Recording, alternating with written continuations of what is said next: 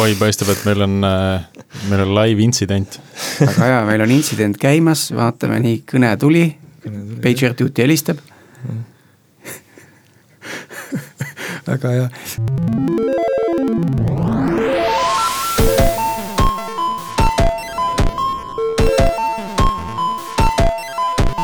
Tere tulemast Algorütmi lainele, on neljateistkümnes november ja kuulad meie teist episoodi. tänast saadet veavad Priit Liivak Nortalist ja Tiit Paananen Veriffist. Tiit, millega sa vahepeal tegelenud oled? Äh, käisin äh, Ukrainas äh, IT Arena seminaril, konverentsil esinemas, rääkisin seal testimise ajaloost ja, ja seda, kuida-, kui palju testimine on muutunud viimase viieteistkümne aasta jooksul, aga vaatasin ka tegelikult kaugemale minevikku, et kus testimine üldse alguse sai ja ja mis need evolutsioonilised etapid on olnud. ja pärast seda avastasin ennast kerges läbipõlemis mode'is, võtsin pu-, nädala puhkust ja ei mõelnud töö peale üldse ja mõjus väga hästi, et et samamoodi nagu see Ukraina käik, selline väike nädalane breik, aju hakkab kohe teistmoodi tööle. soovitad teistelegi? Kindlasti, et, et selline intensiivne puhkamine, kus mille, mitte millegagi ei tegele, on, paneb kohe su teise konteksti ja, ja, ja võtab selle sellise foonipinge nagu maha. Kõlab mõnusalt, ma lähen just äh, kuuks ajaks puhkama, nii et äh, te saate Sergeiga kahekesi mõned episoodid salvestada. aga tänases episoodis räägime taas arendaja produktiivsusest, aga loodetavasti siis juba oluliselt tehnilisema nurga alt kui eelmine kord võtame teemaks äh, dokumentatsiooni kirjutamise ja genereerimise, kui ka vahendid, millega siis tribal knowledge laiematele gruppidele kasutatavaks teha. meiega koos on täna stuudios Martin Kapp, tunnustatud ja kiidetud arhitekt Pipedrive'ist. tere tulemast, Martin! tere! ole hea, räägi endast mõne sõnaga kuulajatele, kes sa oled ja kus sa, äh, kust sa tuled? no nagu mainitud, minu nimi on Martin Kapp, äh, praegu öö, olen ma siis juba seitsmendat aastat Pipedrive'is sinna sattusin ma tegelikult siis, kui Pipedrive oli alles üsna pisike. et äh, mina olin võib-olla mingi kolmeteistkümnes äkki, kes sinna üldse võeti. nii et äh, omajagu nagu olnud ja enne seda kuus pool aastat sai Skype'is öö, oma karjääri nii-öelda tehtud ja noh, kui sealt veel tagasi, siis ma olin juba üsna, olin veel üsna noor. nii et enne seda ma tegelesin suhteliselt sellise freelance'iga ja ütleme, et noh, et tänaseks on siis võib-olla kakskümmend aastat professionaalset karjääri ja tegelikult on väga kirju olnud, et alates millega kõik alustavad, oma väikse PHP ja võib-olla natukene CSS-i sinna peale äh,. Skype'i läksin äh,, sattusin testimistiimi üldse alguses ja hiljem back-end testi ja sealt omakorda front-end'i arendusse. siis olude sunnil sattusin ka team lead'iks seal ja Pipedrive'is samamoodi alustasin front-end'iga. tegin natukene äh, tiimijuhtimist ja arendaja produktiivsusega äh, sai ka tegelikult terve aasta peaaegu mööda äh,. pärast seda siis jah, nagu mainitud, ma sattusin arhitektuuritiimi aga tänapäevaks on see asi natukene sihuke võib-olla teistmoodi. et ametinimetus on nii-öelda principal developer ehk siis ma ei teagi, eesti keeles põhimõtetega arendaja, mis ta tegelikult sisuliselt on, on ta lihtsalt äh, nii-öelda senior full stack arendaja, kes oskab siis anda ka äh, arhitektuurilisi soovitusi vot, sellise laia profiiliga mees siis täna stuudios kuidas sinu tavaline päev välja näeb, kui sa vaatad oma normaalset päeva? Uh,? raske öelda, ma võtan selle kokku sellega uh,, kuna ma tõesti olen seal nii kaua olnud, siis uh, minu tavaline päev on tegelikult pigem uh, nii-öelda selline support roll oma tiimi sees, võiks öelda isegi, ja mõnes mõttes ka engineering organisatsiooni sees.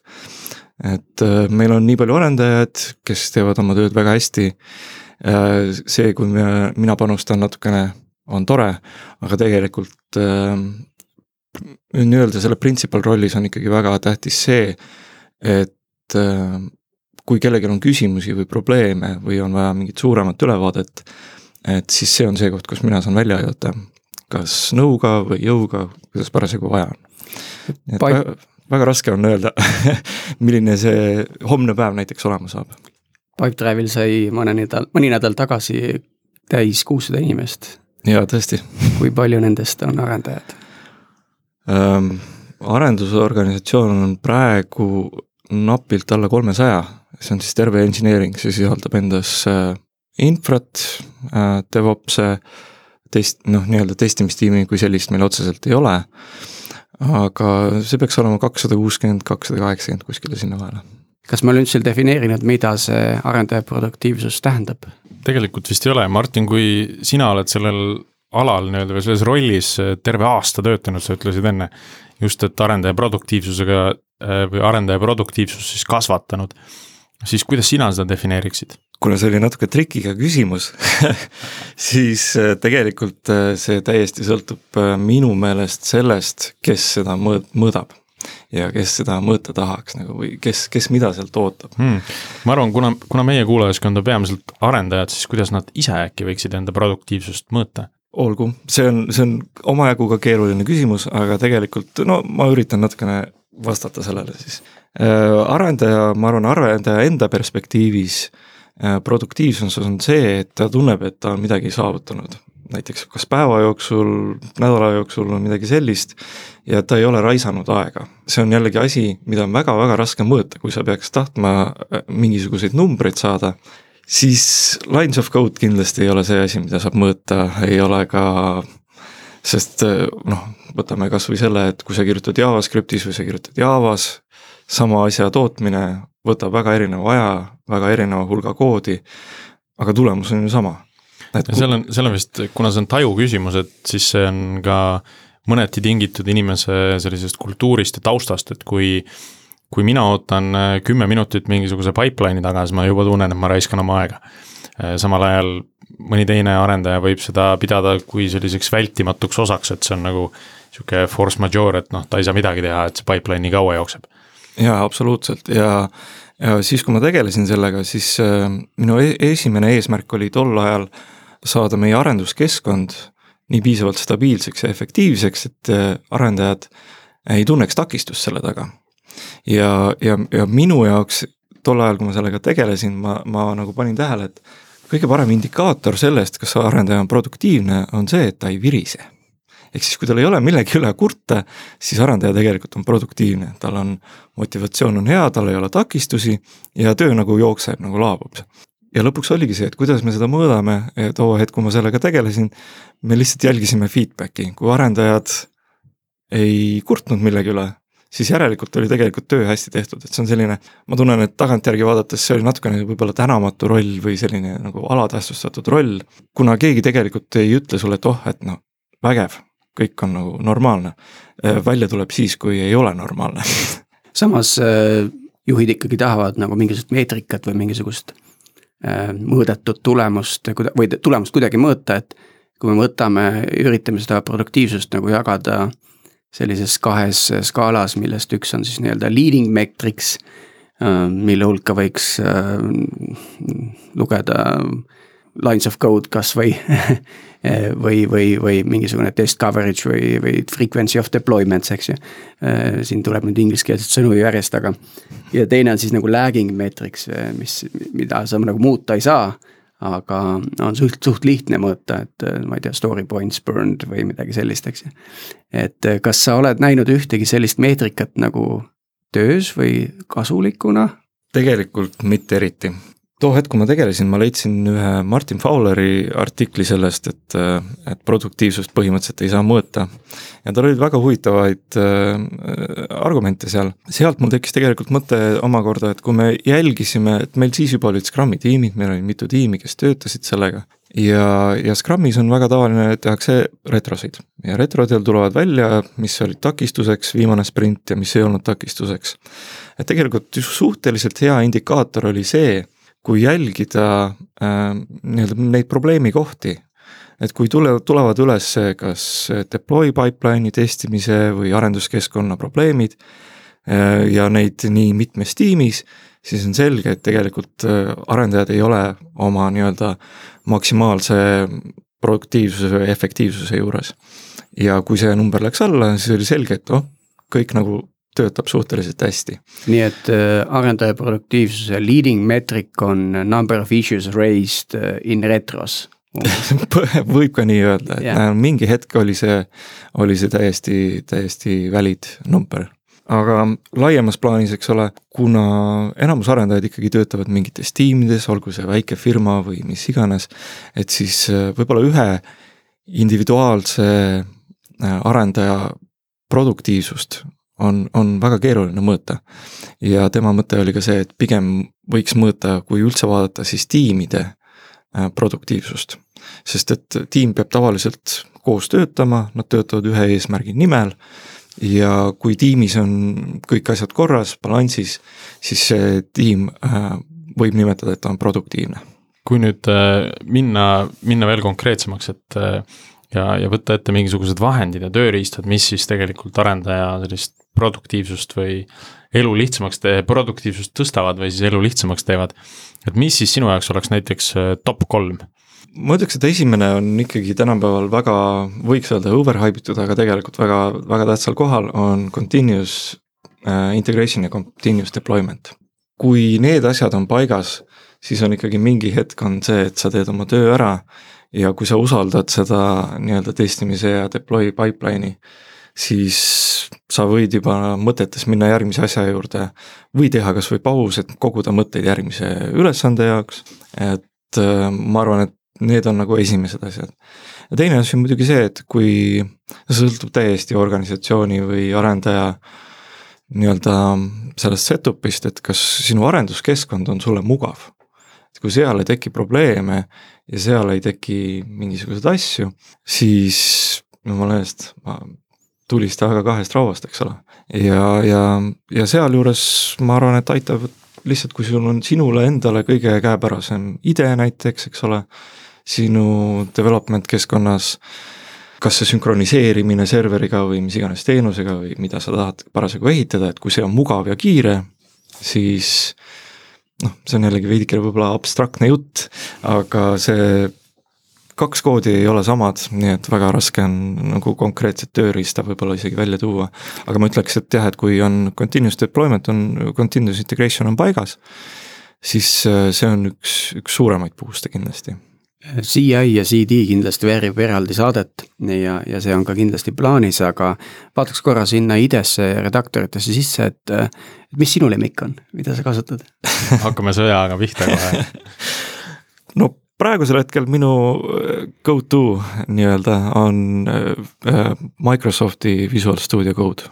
Äh, ma olen üritanud kogu aeg ikkagi jälgida seda, mis on toimunud, et alustasin ikkagi Pipedrive'is ka Sublime tekstiga, mida, mida võib-olla enamus, siis äh, oli Atom, oli väga populaarne flavor of the month, aga kui tuli VS Code välja ja paar ite-, iteratsiooni juba peale, siis tegelikult sellelt tagasi polegi nagu olnud põhjust minna.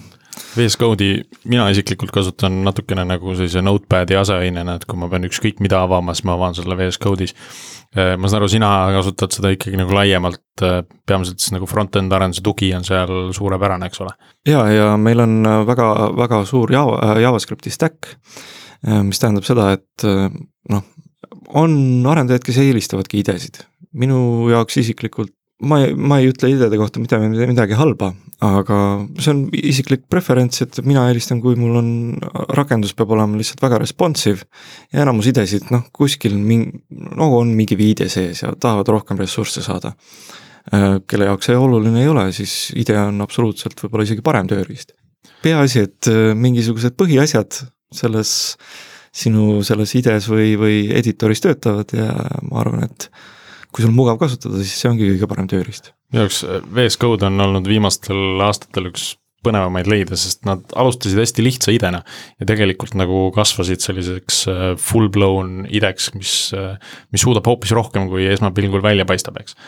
et nad on teinud suurepärast tööd selle asja nagu nii-öelda edasiarendusel see on niisugune hea järgmine generatsioon võib-olla. ma tean ka, Martin, et sa mingil hetkel harrastasid tihti oma arvuti reset imist, et sa vist switch isid Maci ja Linuxi vahel ja Windowsi vahel ühe sama masina peal. ja, ja, ja oli tõesti, see oli seesama productivity ajal ja see oli ka põhiliselt selleks, et aru saada, et kui on arendajal erinev keskkond, et kuidas siis seal need tööriistad nagu toimivad et see oli nagu üks osa nagu jälgida ikkagi seda, mis, mis nagu toimub. ja tõesti, et ma olen proovinud nii Linuxi peal kui, kui Maci all erinevaid idesid ja, ja programme. kuidagi see on jäänud lihtsalt minu juurde praegu aga arenduskeskkonnana ma ütleks, et kõik, mis on Unixi põhine näiteks, on ikkagi tõenäoliselt kõige äh,, kõige efektiivsem lõpuks. Kus, kus ei pea hiirega ringi klikkima, et mingid asjad paigaldatud saaks? et see on alguses, on ta kindlasti mugav ja kes ongi võib-olla nagu alles oma nii-öelda selle teekonna alguses, miks mitte, kõik need vampid, mampid, mis on suured bundle'id, kõik Nginxid või Apache'id ja, ja PHP-d ja need on, nendel on täiesti oma, oma koht on olemas. aga mida edasi sa lähed, sa tahad võib-olla nagu rohkem väga detailidesse minna, mingit spetsiifilist asja muuta ja, ja siis kuidagi läheb see ikkagi lihtsamaks, kui sa saad seda konfigureerida kas või mingi tekstipõhiselt, sellepärast et confi faile on võimalik sul back-up ida, liigutada teise masinasse, kõik, mis on korratav, tasub nagu kuskile siis ikkagi automatiseerida või back-up ida. kui palju sul tänane setup äh, nii-öelda automatiseeritud on, et kui sa peaks homne päev kolima äh, nii-öelda Linuxi põhisesse arenduskeskkonda, kaua see aega võtaks sul? Äh, ma tegin just võib-olla, noh, ütleme, ei saa öelda, et hiljuti, aga võib-olla kuskil kuus kuud tagasi tegin sellise testi. ja selleks läks aega ligikaudu kaks tundi. päris hästi, ma arvan, mina saaks umbes poole päevaga hakkama, aga kaks tundi on veel, veel kiiremaks sest et äh, meil on õnneks on meil tehtud väga head tööd ikkagi selle arenduskeskkonna enda püstisaamisega, et selle infra on sisuliselt üks git checkout ja, ja skripti jooksutamine see tõmbab meil püsti nii-öelda kohaliku arenduskeskkonna ja minu isiklik arenduskeskkond äh,, üks hetk äh, ma investeerisin sinna natukene aega ja, ja, ja kuna nagu ma mainisin, et mina eelistan Unixi põhist arenduskeskkonda, siis mis ma tegin, on see, et kõik minu confi failid ma kirjutasin bash skriptidesse. ja samamoodi, et kui mul on vaja uude masinasse kolida, ma tõmban Gitist alla oma selle skripti ja see siis installib minu eest ja confib minu eest terminale, äh, editore, kuidas vaja on. mulle väga meeldib, et sa kasutasid siin äh, sõna investeerisid aega. et, et sa juba nägid, et sa pead seda tegema uuesti ja uuesti ja tõenäoliselt üks arendaja teeb seda kui mitte iga aasta, siis iga paari aasta tagant ikka mingisugune kolimine tuleb ja tahab, tahaks nagu vahetada enda, enda masina välja, eks, see tundub, et tasub ära absoluutselt ja, ja, ja mul on ka nii-öelda turvatunne selles, et kui mul peaks arvutiga midagi juhtuma, et ma tegelikult, ma ei kaota siis nagu väga palju aega, et kui mulle saaksin uue arvuti, seadistamine, ma ei, see ei ole nagu peavalu. Sa ütlesid, et äh, see arenduskeskkonna, nii-öelda lokaalse arenduskeskkonna püstipanemine on, on teil automatiseeritud. mida te kasutate selle jaoks, mis, äh, Ansible või midagi, midagi analoogset? palju lihtsam. Bashiga? täpselt, ja täpselt nii ongi, sellepärast et äh, minu meelest te eelmises saates ka rääkisite, oli see, et, et kas on vaja nagu ilmtingimata teha nagu väga palju ette mõelda või väga palju väga keerulisi asju. et kui ei ole vaja, siis pigem mitte teha ja, ja bash skriptid meie puhul äh, töötavad üsna hästi, sellepärast et äh, kuna meie arenduskeskkond on Dockeri põhine, siis äh, reas järjest neid kõiki käske jooksutada on üsna lihtne ja bash skripti kirjutada neid järjest äh,. noh, väikese, väikse loogikaga on üsna, üsna efektiivne. kuidas tänapäeval on, kas Pipedrive mahub sinu arvutisse ära? Ei mahu enam ei mahu. aga, aga me oleme jah üritanud seda probleemi lahendada ja siiamaale üritame lahendada, et kuidas ta mahuks. ja tõenäoliselt ta tulevikus ei mahugi. see võib-olla ka mõjutab meie seda arhitektuurilist valikut äh, mõne, mõnes mõttes, et kuigi me teame, et meil on niisugune suur aren-, nii-öelda produktsioonikeskkond, live keskkond siis eh, selleks, et eh, inimesed saaksid töötada, tuleb seda natukene kohendada ja mõelda ka selle peale, kuidas, kuidas nad saaksid arendada seda. ja, ja tänu sellele meil on, äh, me oleme väga suuresti nii-öelda mikroteenuste maailmas sees ja tänu sellele, kui on seal hästi jaotatud see asi, siis on võimalik ka osaliselt nii-öelda Pipedrive'i keskkond oma arenduskeskkonnas püsti panna. keskkond on püsti, mis edasi kõik päris püsti ei ole, aga vähemalt osa on püsti. Äh, ja, ja saab, saab tööga pihta hakata, idee on ka välja valitud nagu ülihästi.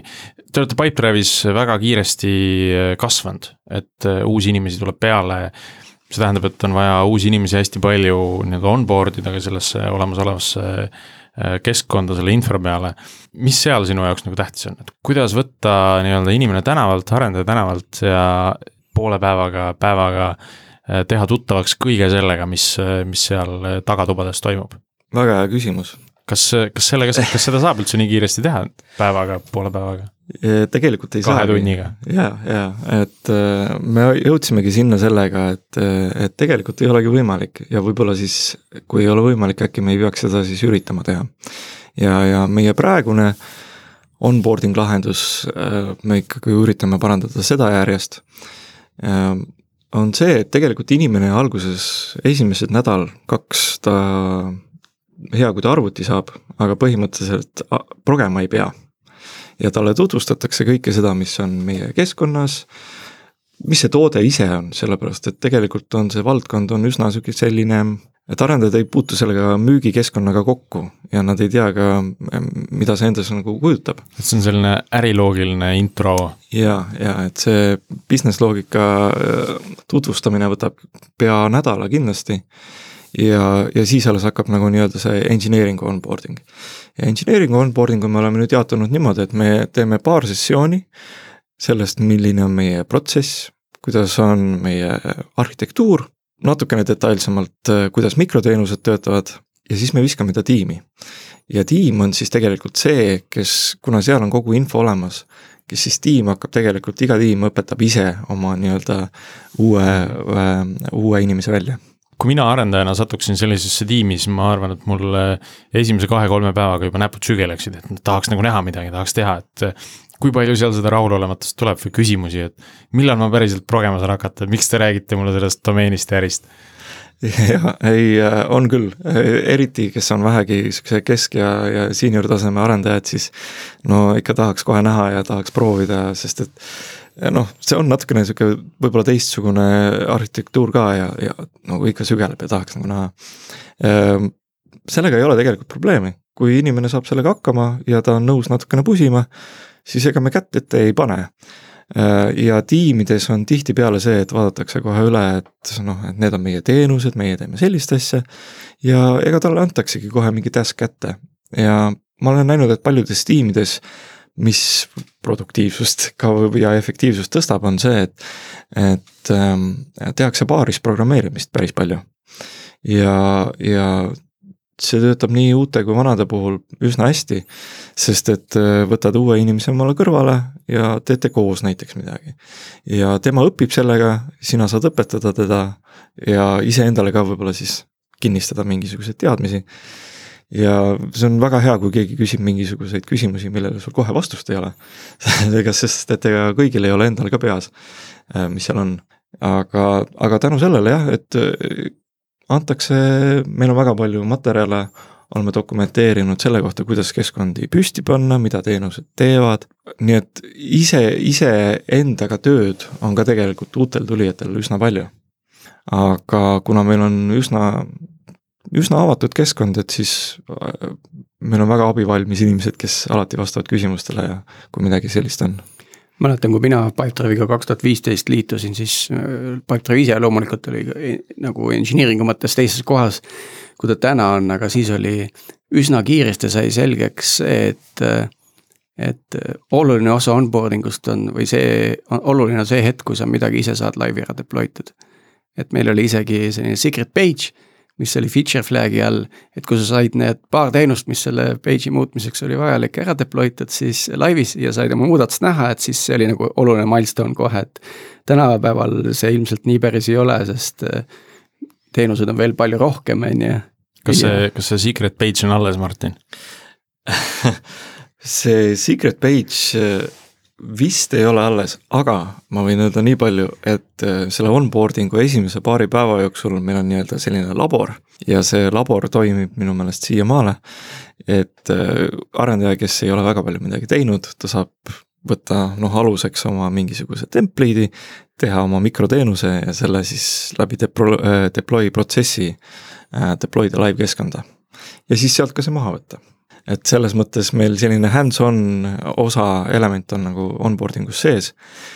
loomulikult, ega sealt äh, sa saad võib-olla lihtsalt selle tunde kätte mm, -hmm. aga reaalselt teenuste ja arenduse juurde sa jõuad ikkagi oma tiimis ja teine niisugune mälestus Pipedrive'ist on see, et me tegelikult, Martin kirjutas esimese versiooni nagu deployment guide'ist, et kuidas ta üldse deploy da asju. Ja, ja siis selle käigus mina võtsin selle kande üle, üritasin nagu parendada, eks ju. aga mida ma kohe märkasin, oli see, et Martinil see sõnakasutus oli tõesti nii, et nii põhjalik, aga samas üldine, mis on nagu vastuoluline, eks ju.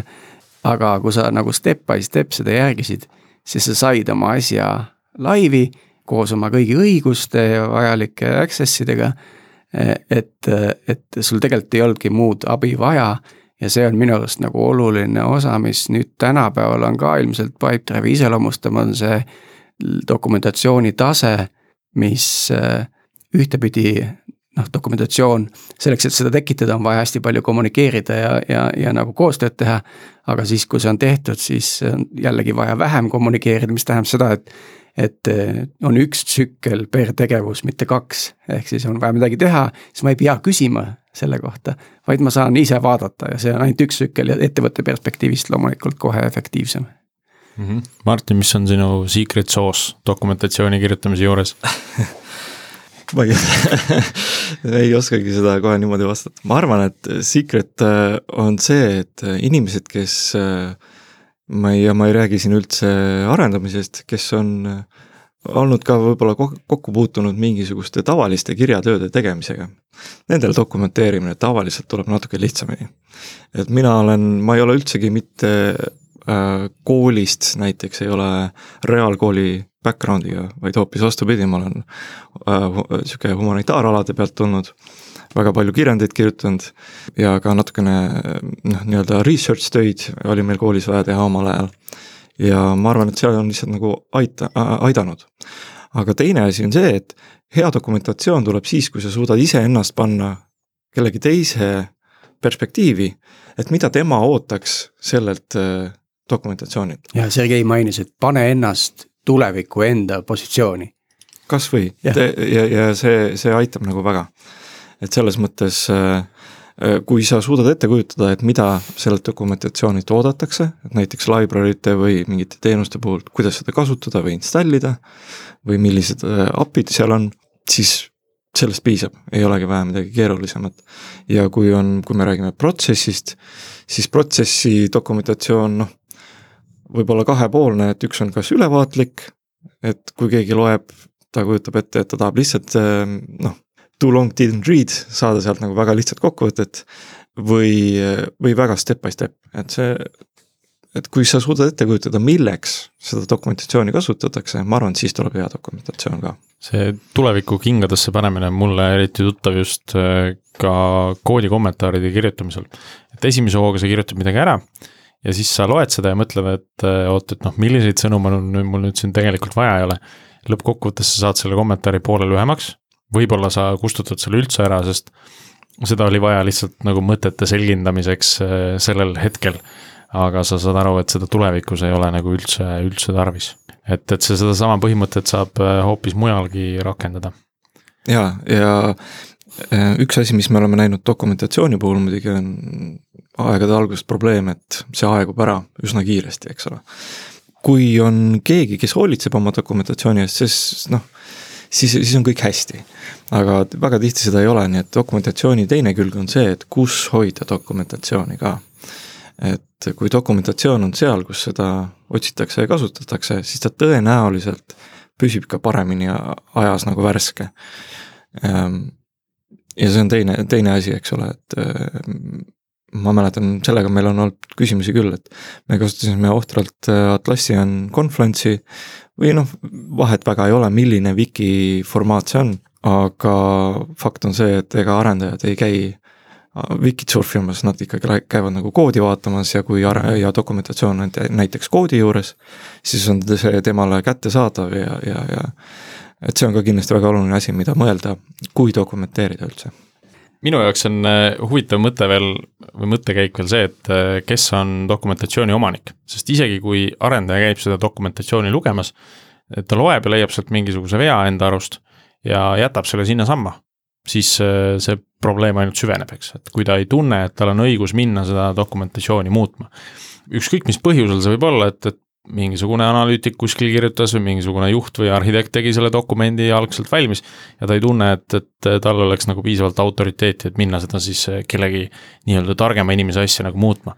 et, et see on, see on kindlasti selline kultuuri küsimus, mis tuleb nagu üsna varakult kuskile sisse juurida, et tegelikult äh, see, see kõik, mis me teeme, on kõigi oma ja, ja kõigil on õigus minna ka parandusi tegema või siis vähemalt tõsta see lipp üles, et kuulge, et siin ei ole nagu midagi õige, et tuleb ja, midagi teha. et ma arvan, see noh, minu kogemuse järgi nii Pipedrive'is kui Veriffis, et onboarding'u üks esimesi, esimesi kommentaare uutel liittöötajal on see, et kui näete kuskil midagi katki, üle, puudu, lisage, parandage eemaldage, eks ju, et. Äh, et me oleme, mõne, mõnes tiimis on isegi mindud nii kaugele, et äh, onboarding'u uute, uutel tulijatel on lausa kohustus teha kas siis kaks või kolm parandust kogu selles dokumentatsioonis, parandust või täiendust. et äh, seega nad peavad seda läbides natukene mõtlema selle peale, et mis oli ebamugav või mis oli halb ja, ja siis seda siis natuke selgemaks kirjutama või natukene üldisemaks kirjutama või midagi, midagi seal tegema, et see asi järgmisele tulijale oleks jälle parem ja mugavam.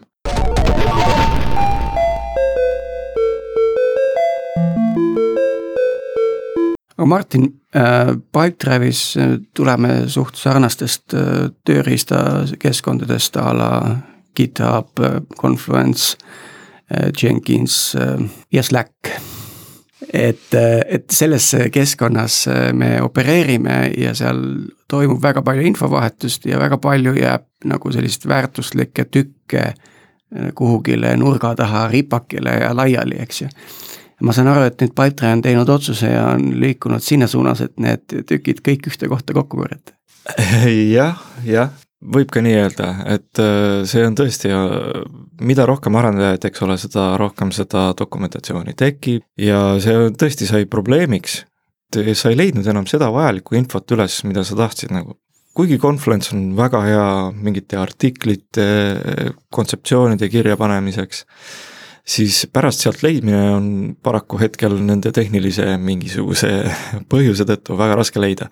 Nende otsing ei ole üldse hea ja teine on see, et infovahetus arendajatel on selline ettekujutus, et kui nad kirjutavad chati, nad saavad kohe vastuse oma küsimustele, tihtipeale see ka töötab, aga kui järgmine inimene tahaks sedasama küsida, siis see kusagil ajaloost nagu, ta kaob ära, et sa ei leia enam samamoodi Slacki channel'ist lõpuks üles, et kes mida rääkis, et ah, ma mäletan, et midagi oli selle kohta juttu pead üsna täpselt teadma, mida sa otsima lähed. just täpselt ja, ja, ja kui sa ei otsi üsna täpselt, siis tõenäoliselt sa ei leia, eks. ja me mõtlesime, mida seda teha ja siis tekkis ka idee, et äkki me peaksime ikkagi koondama mingisuguse nii-öelda knowledge base'i. Ja mis on parem keskkond, eks ole, et kui näiteks Stack Overflow. kõik arendajad varem või hiljem satuvad sinna, isegi kui nad ise ei postita seal või ei vasta seal midagi. Google'i otsingusse paned sa sisse midagi, probleemi, ikka sa jõuad Stack Overflow'sse. ja me mõtlesime, et me katsetame seda ja Stack Overflow on, on seni väga hästi äh, heast küljest, ütleme, näidanud ennast. Et Stack Overflow ja Slackil näiteks on äh, väga hea integratsioon et kui sa näiteks just täpselt, et äh, otsid äh, läbi mingisuguse plugina, sa saad Stack Overflow vastuseid, ta pakub sulle. aga see on nagu selline tehniline asi, sest et oluline oli see, et koondada need küsimused ja vastused, mis kippusid korduma kuskile üht, ühtsesse kohta, selleks, et oleks tulevikus võimalik neid leida ja ka järgmistel inimestel neid leida. Ja Stack Overflow on seni see meie nii-öelda uus äh, platvorm mida me katsetame. kui palju sa pidid ise nagu suunama agressiivselt inimesi sinna peale? et või, või juhtus see hästi orgaaniliselt, et, et panite püsti, linkisite ära ja, ja inimesed hakkasid seal küsima-vastama, jagama? jaa, see on äh, väga hea küsimus, sellepärast et äh, tegelikult äh, see ei olnud väga lihtne kogu see protsess siiani on meil kestnud võib-olla neli kuud ligikaudu ja kuidas see käis, on niimoodi, et, et äh, esiteks tuli kõvasti lobitööd teha, et äh, üsna kallis tööriist ikkagi majja sisse saada.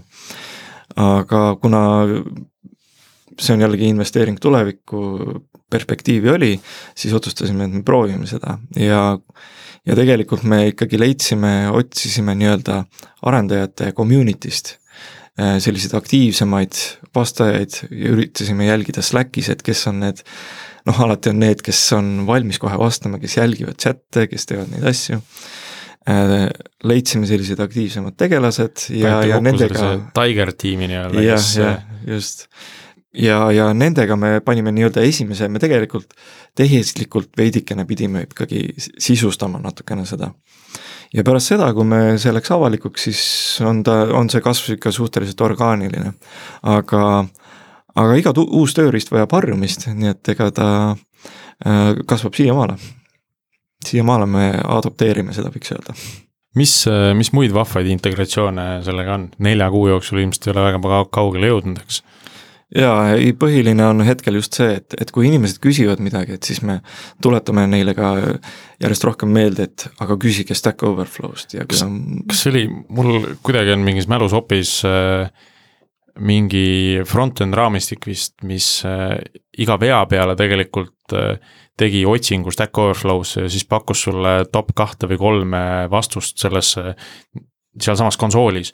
no muidugi ta, ta ei teinud seda ilmselt kuskil toodangu profiilis jooksutades, aga kui arendaja selle endale käima pani, sai sinna konsooli vea ja siis ta sai kohe ka, et kuule, siin on sulle kaks-kolm nagu võimalikku lahendust, et äh, kliki need lahti ja vaata, et äkki on õige asi ja see, ma ise sellist äh, otseselt näinud ei ole, aga näiteks see on, see on äh, kui, kes on Reacti arendanud, siis Reactis on küll, näiteks on see, et kui sul mingi issue tekib, siis neil on kohe link dokumentatsioonile, et mine loe siit, et miks sul selline asi üldse tekkis. ja see tundub, et on trend, mis nagu praegu sihuke kasvab mm, -hmm. et kui keegi sellise plugin'i teeks, mis äh, otsiks ja viitaks kohe meie Stack Overflow'le, jumala eest, see oleks väga äge asi. siis võiks kohe selle vea ära ka parandada ai-ga, et äh, aga see tundub jah, ma, ma olen nõus, et see tundub olevat trend. Äh, ja, ja ka see on mingi trend, mis arendaja produktiivsust tegelikult äh, tõstab, et ta ei pea hakkama ise mõtlema, mis selle asja lahendus on, kui see on tegelikult mingisugune tüüpviga, mida siis kas siis raamistiku või, või mingisuguse tool'i kasutajad või arendajad on näinud, et inimesed ikka ja jälle uuesti teevad, eks mm nad võib-olla ei saa seda lahendada niimoodi, et, et seda, seda viga ei tehtaks, aga nad saavad vähemalt anda nõu, kuidas sellest mööda ja üle saada.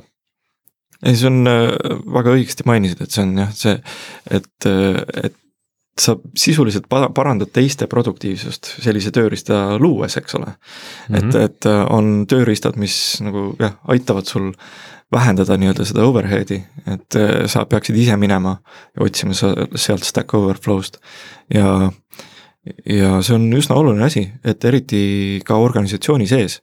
et iga asi, mida sa teed, mõtle ikkagi selle peale, et sul on veel kas sada, meie puhul kakssada pluss inimest, kes võivad sama asja otsa sattuda, nii et äh, nii-öelda selline produktiivsuse tõstmine peab nagu seest hakkama tulema üks hetk. ja kõik sellise teadmiste jagamine näiteks ja, ja tööriistade ja mis iganes väiksed trikid on ja kui sa neid suudad jagada teistele, keegi korjab sealt midagi üles, võib-olla mõtleb sealt veel mingeid parendusi, lahe, paremaid lahendusi välja. et see kõik tõstab nii-öelda üleüldist äh, efektiivsust. ma arvan, siin on oluline ka tajuda seda, et mis on mille jaoks mõeldud, et äh, kui ma mõtlen oma productivity killeri peale, siis äh, et mul on üle kümne lugemata Slacki kanali, kus on mingeid mention eid ka sees, eks ju ja, ja ma pean otsima sealt äh, mingit vastust, ma umbes tean, kes rääkis millal, eks ju. tegelikult kasutame nagu mugavusest, äh, oma mugavusest teatud tööriistu nagu valesti. et äh, dokumentatsiooni paneme post'ina kuhugi Slacki, teeme Google sheet'i mingisuguse arvutuse, mida, mis on absoluutselt otsimatu, nagu kogu Google Suite'i lõikes, eks ju. või leidmatu, eks ju, teda ei ole võimalik leida. et me teeme selliseid väikseid, väikseid mugavusest tegevusi mõtlemata, mis see nagu tervele organisatsioonile lõpuks teeb.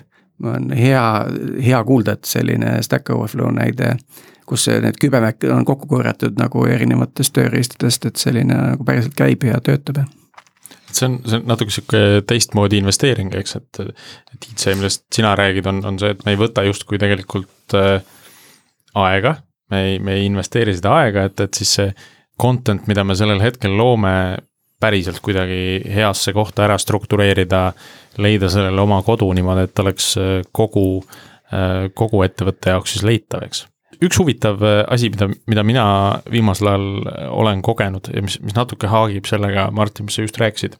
et sa rääkisidki enne Bashi skriptidest ja, ja see, see projekt, kus mina täna olen käsipidi sees, on, on samuti selline laiali ütleme mitmete mikroteenustega lahendus, kus on mitu erinevat arendustiimi peal. ja, ja asi, mida me varem teinud ei ole üheski projektis äh,, aga, aga selles projektis otsustasime proovida äh,, on see, et meil on selline bash skriptide kogum, mis on siis tegelikult igasse mikroteenuse projekti äh, git submodule'ina lingitud niimoodi, et äh, see tuleb nagu paratamatult kaasa igasse sellesse projekti ja, ja samal ajal arendajad saavad seal Äh, selles enda, enda nii-öelda oma mooduli koodi kõrval kohe tegelikult ka neid äh, bash'i skripte täiendada. seal ei ole mitte midagi keerulist, põhiliselt ongi sellised skriptid, mis äh, ma ei tea, mitu käsku panevad nii-öelda ühe skripti sisse kokku. et pane mulle andmebaas käima, on ju, või mis siis paneb käima selle andmebaasi, provisioneerib seal kõik vajalikud tabelid ära, võib-olla paneb mingisugused testandmed sisse. hästi lihtsad asjad, aga, aga samal ajal nad on nagu jagatud läbi selle GitHub module'i kõikidesse loomulikult sellel, sellel asjal on omad probleemid, omad sellised natuke väikesed tagasilöögid, et kuidas need asjad aeguvad aeg-ajalt või äh, kuidas neid, kuidas neid kasutatakse. Et kas neid kasutatakse ainult nagu arendajate endi poolt või võetakse need asjad juba ka CI-s kasutusele äh,. mis, mis tähendab, et nad peavad olema alati nagu up to date. et äh, no ja jälle, kui nad CI-s kasutusele võtta, siis väga lihtne on teha muudatusi, mis mõjuvad kõikidele projektidele, et äh, jälle väga suur, palju nagu jõudu või võimu nagu selliseid muudatusi üle projektide laiali äh,, laiali jagada. samal ajal koht midagi nagu täiesti katki teha, nii et kõik projektid saavad pihta. Ja üldiselt äh, minu meelest see on väga hea mõte, et kui, kui on nagu selline võimalus, et me kasutame JavaScripti, me kasutame NPM-i skripte, mis on, võib-olla asendab siis nagu sarnast funktsionaalsust. et igas äh, nii-öelda teenuses või library's on meil üks teatav moodul, mis on arenduskeskkonna jaoks mõe-, mõeldud, mis aitab siis äh, kas noh, mis iganes parasjagu seal vaja teha on seda. Ja, ja kui selline võimalus on, et Giti saab moodulid, on kindlasti väga hea mõte. oht, ohtlik ta veidikene on no siiani aga... väga, väga tugevalt nagu jalga tulistanud ei ole veel. jaa, aga ma ütlen, et äh, sellisesse asja samamoodi investeerimine on tegelikult tõesti produktiivsuse suurendamine suures pildis ja hiljem äh,. Sellepärast, et kui needsamad skriptid näiteks mainisid, et kas nad peaksid töötama CI-s, nad võiksid ju. sellepärast, et see loob sellise teatava abstraktsiooni taseme sinna skripti, mis teeb ta natukene veel rohkem universaalsemaks, mis tähendab, et äh, tuleviku perspektiivis ta peaks olema äh, veidike rohkem robustsem ja vastupidavam mm. -hmm. kui me testimise jaoks andmebaasi püsti paneme, siis tegelikult ei ole ju vahet, kas me paneme seda lokaalse arenduskeskkonna jaoks või siis äh, mingite automaattestide jaoks seal CI-s püsti, et. et, et see loob sihukese universaalse dokumentatsiooni ka, mis, mis kogu aeg läbib testimist. tänu sellele, et seda kasutatakse. täpselt, need bash'i skriptid on väga hea tegelikult dokumentatsiooni allikas et kui, kui öeldakse, et, et kood, hea koodi on see, mida ei pea dokumenteerima, siis see võib-olla ei ole alati päris, päris õige, aga näiteks setup skriptid, äh, kõik sellised ja, ja te, asjad on väga hea dokumentatsiooniallikas, kuidas aru saada, kuidas see asi tööle võiks hakata. mis su sõltuvused on ja, ja mis järjekorras need asjad peavad üles minema, eks. ja, ja, ja teine teine väga hea ähm, dokumentatsiooniallikas on, mis võib-olla ei tundu nii esmapilgul väga sihuke noh, ilmselge, on äh, unit testid. ja unit testid ja igasugused sellised äh, ka funktsionaalsed testid, mis on selle koodi juures, on väga hea dokumentatsiooniallikas, sellepärast et kui sul näiteks readme'st või kuskilt on midagi puudu jäänud või asju või, või seal on aegunud ära, siis need testid ju peavad töötama kogu aeg. et väga lihtne on minna ja lihtsalt lugeda, mida mingi test peaks tegema, seal on näha, kuidas seda kasutada, kuidas, mida ta tegema peaks. et see on kindlasti üks alahinnatud äh, äh dokumentatsiooni vorme ja aga ka seal täpselt selline oskus kirjutada koodi nagu head proosat on, on väga oluline, et sa saaksid Väga päriselt seda lugeda, eks ole. just.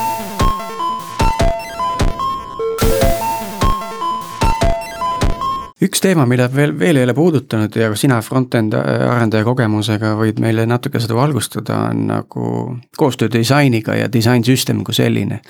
et, et ma näen, et front-end arendajate jaoks seal võib olla nagu päris olulisi eh, võite, kui sa ei pea nagu iga kord seda ratast uuesti joonistama. et, et räägi natuke, kuidas, kuidas disainsüsteemid sinu kogemuse järgi on käima läinud ja mis see võit seal on? selles mõttes äh, see on väga hea praktika, ma arvan. see on praktika, mis on veidikene, vajab harjumist ja mitte ainult arendajate poole pealt tegelikult. et kui me räägime disainist ja disainsüsteemist, nii-öelda komponentdisainist, siis ka disainitiimi enda sees peab tekkima selline vilumus, et disainerid justkui muutuvad arendajateks sellepärast, et nad peavad hakkama mõtlema natukene teisel tasemel kui lihtsalt mm, -hmm. Äh, lihtsalt visuaalse ilu peale, vaid ka UX ja, ja, ja komponendid, mis seal individuaalselt sees on, see on justkui nagu selline ikkagi omamoodi nagu programmeerimine, võiks öelda. see on, see on ka minu vaatest väga huvitav trend, mis on viimasel ajal juhtunud, et äh, nad äh, hakkavad, nad on hoopis rohkem on hakatud keskenduma reusability'le seal sees. Vahendid nagu SCSS on, on selle kõik võimalikuks muutnud ja nüüd, nüüd hakkab see kuidagi muutuma selliseks mitte ainult parimaks praktikaks, aga selliseks de facto asjaks, kuidas asju tehakse. et enam lihtsalt ei ole iga komponendi yeah. jaoks oma mingisugune stiiliklots kuskil, vaid hästi palju on seda reusability't. Just, et see, see muidugi väga palju sõltub, et mis organisatsioon mida disainib parasjagu, et kui sa disainid marketing lehti, siis võib-olla see reusability ei olegi nagu nii suur, aga mingil määral kindlasti. Aga, aga meie puhul näiteks, kus meil on nii-öelda selline brauseri rakendus, on see väga tähtsal kohal, sellepärast et meil on väga palju erinevaid tiime ja, ja mis tegelevad erinevate osade kallal, kusjuures selles user interface'is, mis tähendab, et me ei taha ka, et see consistency nagu ära kaoks. ja sellise asja jaoks on see üsna tähtis õnneks on ka tänapäeval front-end'i maailmas ikka väga palju erinevaid lahendusi, kuidas sellist, sellist komponentide süsteemi luua. et meil on Reactist on väga häid näiteid, Web Components, mis on siis Google'i suur soovitus, eks ole. või tegelikult väga vahet ei ole, milline um, front-end'i framework see on, et see võib olla sama hästi ka Vue.js, mis on ka väga komponendipõhine.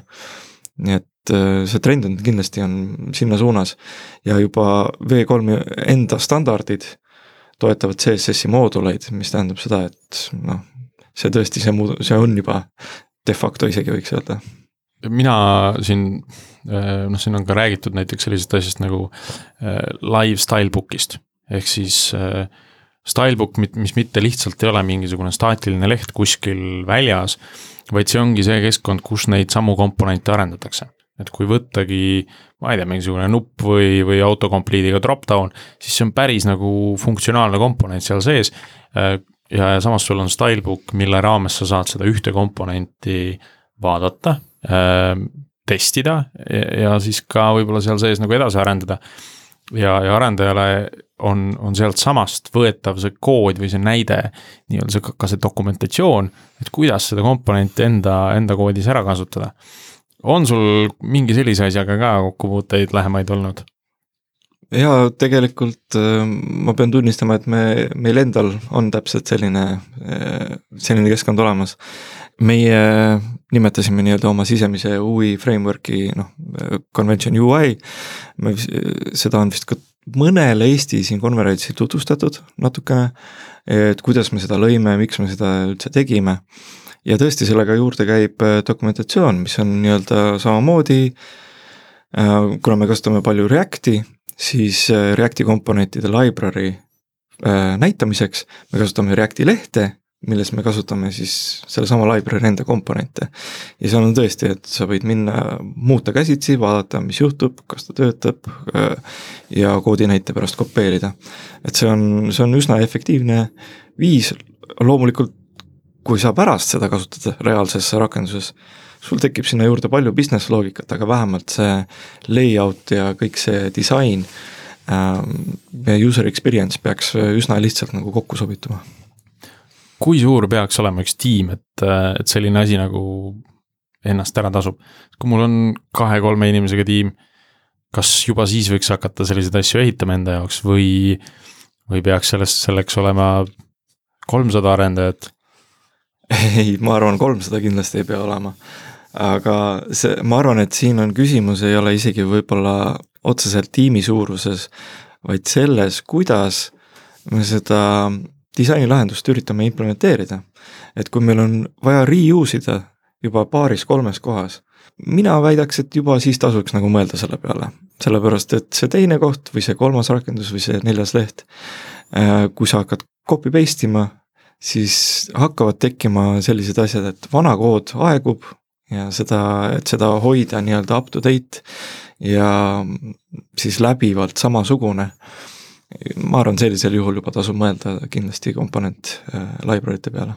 siin kehtib samamoodi siis selline, selline kuldreegel, et kui sa kui sa juba kordad seda teist või kolmandat korda, et siis äh, automatiseeri ära ja, ja. absoluutselt, just. magad rahulikumalt. et see on ju vana teada-tuntud tõde, et äh, programmeerimises on ainult, ei ole üks, kaks, kolm ja mitu, vaid on, kas sul on üks või mitu. ja kui sa teed midagi kaks korda, siis tõenäoliselt tuleb ka kolmas ja neljas, nii edasi. et selline väga hea kuldreegel, ma arvan, töötab äh, ka tootedisaini puhul näiteks. okei okay,, et me nagu disainiga saime nagu äh, lepingu tehtud nii-öelda, sellega meil on korras.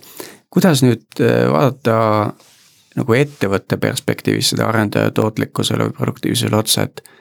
et ja eriti just, mis puudutab koostööd toote omanikuga või product owner'iga et äh, äkki sul on seal mingeid lahedaid lugusid rääkida, et äh, mis on töötanud, mis mitte uh,? see, see on üks väga väga-väga sihuke keeruline teema, et kui me räägime arendajate produktiivsusest, ma ütlesin, et seda võiks vaadata võib-olla tiimi tasemel pigem. Aga kui tiim, äh, noh, meie ettevõttes näiteks meil on eraldi product organisatsioon, tooteorganisatsioon, kes mõtleb välja, mida vaja teha on, kuidas vaja teha on siis äh, me peame, siis me juba võiks minna organisatsiooni produktiivsuse juurde tegelikult, sellepärast et kui nii, kui peavad mitu tiimi koos töötama, siis nad mõjutavad üksteise produktiivsust. ja arendajad võivad panna täie rauaga anda midagi, eks ole, aga kui, kui toode on lõpuks see, kes kas pidurdab või teeb mingeid muudatusi, siis tahes-tahtmata mõjutab arendustiime. nii et äh, see on niisugune äh, keeruline teema, et tõesti, eriti kui seda mõõta tahaks, siis võib-olla peaks toode olema osa sellest äh, tiimist, kus luuakse mingit väärtust. jah, et mida ma ise olen näinud, mis on hästi kiire tekkima sellistes isegi agile tiimides, kes nagu toimetavad nagu kindla protsessi järgi, on, on see, et et mingil hetkel ikkagi kujuneb välja see, et teie teete, meie mõtleme, eks ju et kuidas ja siin siis pean silmas seda, et arendajad teevad ja, ja toode mõtleb, eks ju. aga see ju ütleme mõtlevale inimesele, kes on ka arendaja, nagu sugugi ei sobi selline suhtumine, et. et kuidas siis seda niimoodi korraldada, et sellist mentaliteeti või, või suhtumist ei tekiks eks see küsimus ongi võib-olla väga paljudes organisatsioonides aktuaalne, et Äh, arendaja tõesti, nagu eelmine kord te ka mainisite siin, et rääkisite, et arendaja on ikkagi loov inimene, et see on noh, võib nimetada, et tõesti proosa kirjutamine, eks ole, aga sa pead loovalt lähenema oma probleemile. ja, ja oli ka juttu sellest, et, et arendaja võiks aru saada sellest, mis probleemi ta, ta lahendab, eks. Ja kui toode ja arendustiim töötavad hästi kokku, mis tähendab seda, et nad selgitavad arendajatele mis on nendelt oodatud või miks nad peavad midagi tegema. minu meelest üks väga tihti üks küsimata küsimus on see, et miks me peame midagi tegema.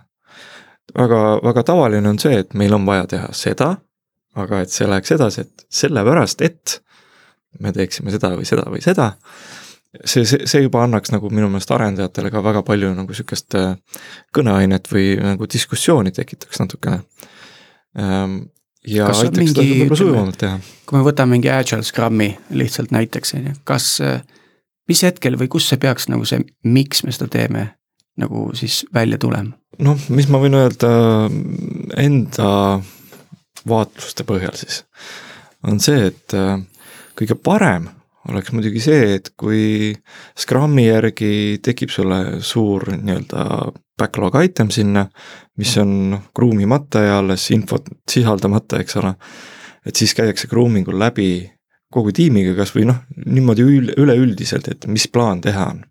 ja sealt võib juba saada esimese feedback'i ja siis seda nagu järjest noh, kruumitakse edasi, nii kui infot juurde tuleb. et see oleks nagu kõige parem praktika. kas, kas sa ei tunne, et, et seal jääb natukene nagu puudu sellest miks küsimusest, et okei okay,, me teeme ärile mingi uue teenuse juurde, aga noh, miks, miks seda äril üldse vaja on? jaa, et tegelikult äh, Scrumi koolituste järgi groomingul võiks olla alati ka toote omanik, eks ole mm, -hmm. kelle käest saaks siis seda küsimust nii-öelda küsida. aga noh, praktikas ma olen näinud ka teistsuguseid Scrumi tiime, kus seda tihtipeale ei tehta, et ei taheta nagu ma ei teagi, siis võib-olla tüütada või, või nagu seda aega raisata, arendajate aega raisata, sest et võib-olla on palju asju ka niikuinii tegemises. ja siis tihtipeale mõeldakse juba nii-öelda suuremalt ja detailsemalt asjad valmis ja alles siis minnakse arendajate juurde selle, selle issue'ga tundub, et siin on natukene sama asi, et äh, inimesed, kel, kes vihkavad miitinguid äh,, ei saa aru, et nad vihkavad halvasti korraldatud miitinguid, et Jah. hästi korraldatud miiting on super hea ja nagu kutsub üles koostööle ja tekitab sellise tunde, et, kõik on selge ja, ja oleme üksteisest õieti aru saanud.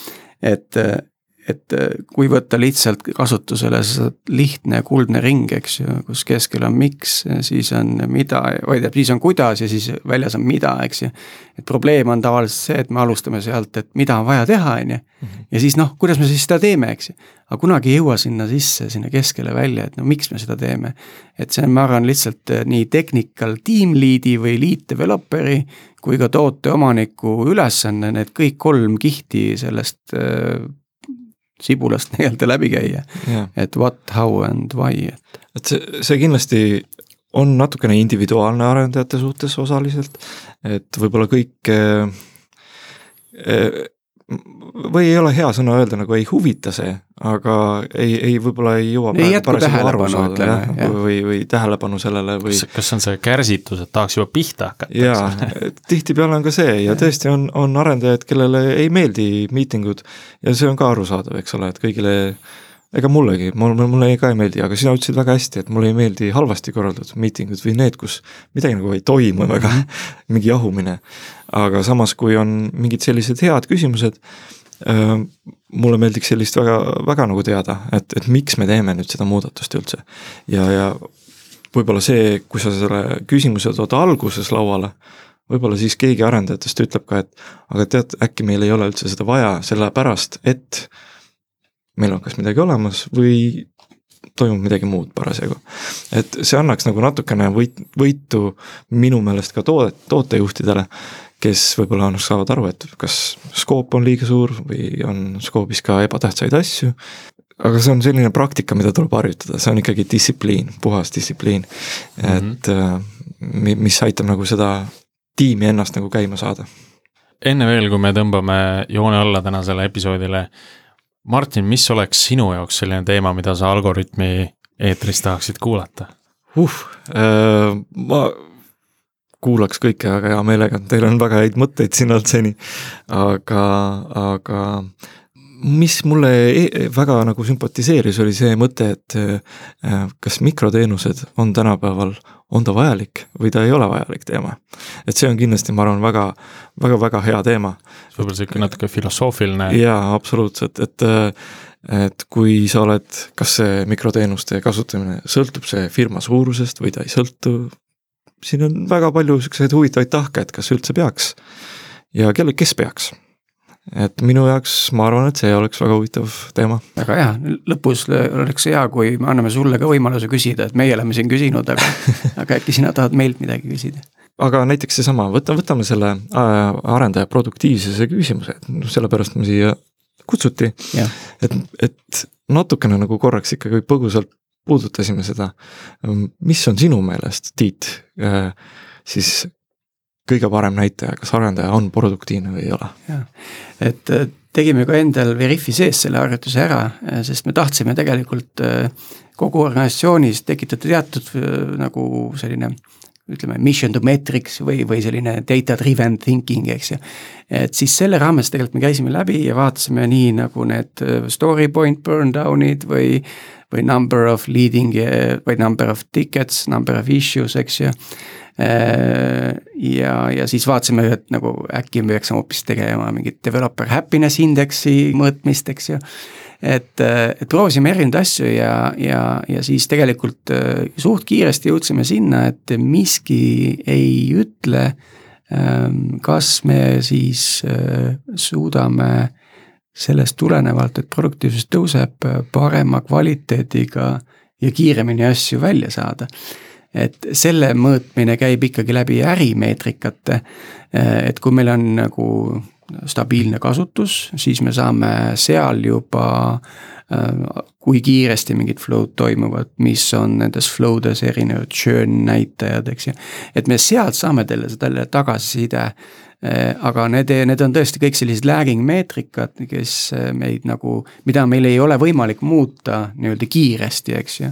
et tegelikult me siis jõudsime kohta, sellisesse kohta, kus tiimid said endale ülesande oma äh, efficiency dashboard'id joonistada ja nad ise vastutavad selle content'i loomise ja update imise eest. ja see on täiesti vabad panema sinna mida iganes nad arvavad, et neil praegu on vaja sinna panna. Ja see tõi kaasa palju uusi mõtteid tegelikult, et, et kes vaatas seal rohkem test coverage'i, kes vaatas seal mingit deployment frequency't, mõned vaatasid mingid sellised mikroprojektide nagu staatusid, track isid, et, et igalühel oli tegelikult vastavalt tema nii-öelda ähm, noh, ütleme maturity state'ile, eesti keeles on seda raske väljendada, aga, aga tema jah, tiimi kogemus, kogemusest lähtuvalt tuli väga palju erinevat content'i. Väga kihvt kas sa nüüd said targemaks, Martin?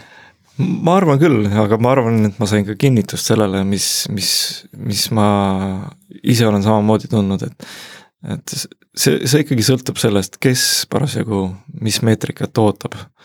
ja, ja viidates tagasi selle Fowleri artiklile, et ka tema mainis, et, et produktiivsuse mõõtmine, tiimi produktiivsuse mõõtmine võib heal juhul toimuda isegi paar aastat pärast seda, kui midagi on tehtud.